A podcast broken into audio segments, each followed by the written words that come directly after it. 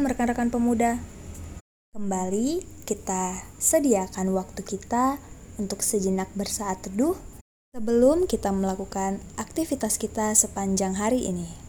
Sebelum itu, mari kita bersatu di dalam doa. Selamat pagi Tuhan Yesus. Kami bersyukur atas nafas kehidupan yang masih melekat pada kami hingga saat ini. Sebentar, kami akan mendengarkan sebagian firman-Mu beserta renungan yang akan dibacakan Kiranya Engkau memberkati, biarlah telinga dan hati kami mau dengar-dengaran dan termotivasi untuk melakukan yang Kau harapkan dari kami. Inilah doa kami, dalam nama Yesus kami berdoa dan bersyukur. Amin. Rekan-rekan, pembacaan Alkitab hari ini terambil dari kitab Markus pasalnya yang ke-8, ayatnya yang ke-22 hingga yang ke-26, yang berkata demikian. Yesus menyembuhkan seorang buta di Bethsaida.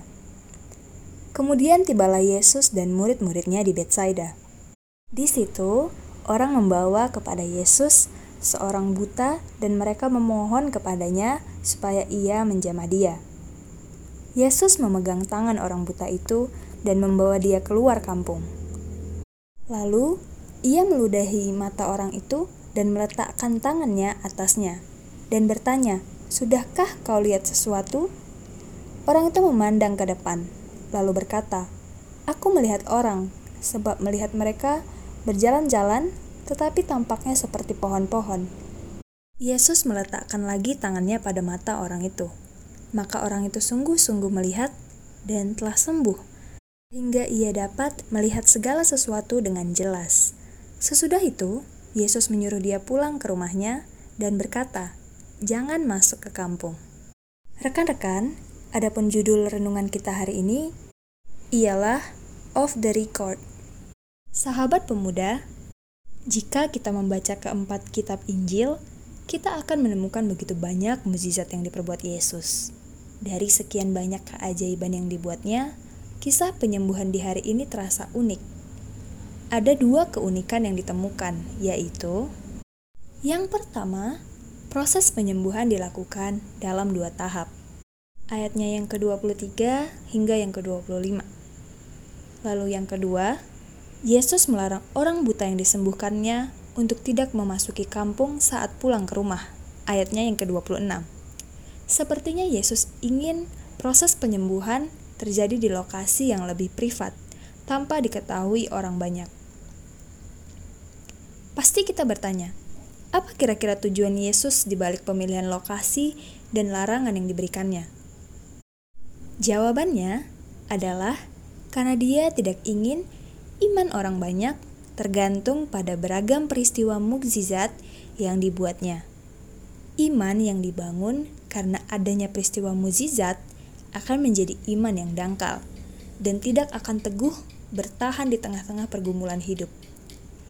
Yesus ingin peristiwa penyembuhan si buta off the record dalam tanda kutip dan tidak terekspos karena bukan keajaiban itu yang menjadi perhatian utama tetapi bagaimana setiap orang mempercayakan hidup seutuhnya kepada Tuhan dengan atau tanpa mukjizat yang terjadi. Jika ada di antara sahabat pemuda yang terbaring sakit saat ini atau tengah bersedih karena kesulitan ekonomi, mengalami penolakan, bahkan kepahitan, jangan putus asa. Terus andalkan Tuhan.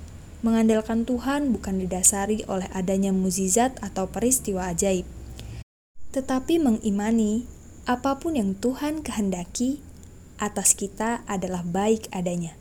Kemahakuasaan Tuhan terlalu tinggi melampaui segala akal manusia. Kita tidak akan bisa memahami seutuhnya. Satu hal yang pasti, Ketika kita berjalan bersamanya, maka sukacita dan damai sejahtera yang sempurna akan tetap tinggal dalam hati kita. Demikian pembacaan renungan Sabda Bina Pemuda pada hari ini. Kiranya ini membuka pikiran kita untuk percaya padanya. Kita berdoa.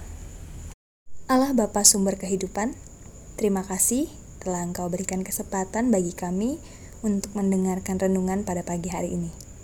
Melalui apa yang kami dengar, biarlah kiranya Engkau mengajarkan kami untuk memahami kebesaranmu yang di mana sebenarnya jauh lebih besar melebihi mukjizat yang terjadi dalam hidup kami. Berilah kami pengertian atas itu dan kuatkanlah kami untuk menyanggupi serta menjalankannya. Inilah doa kami, kiranya Engkau hadir dan menjaga sepanjang kehidupan kami hari ini. Dalam nama Yesus Kristus kami bersyukur. Amin. Selamat menjalankan aktivitas rekan-rekan.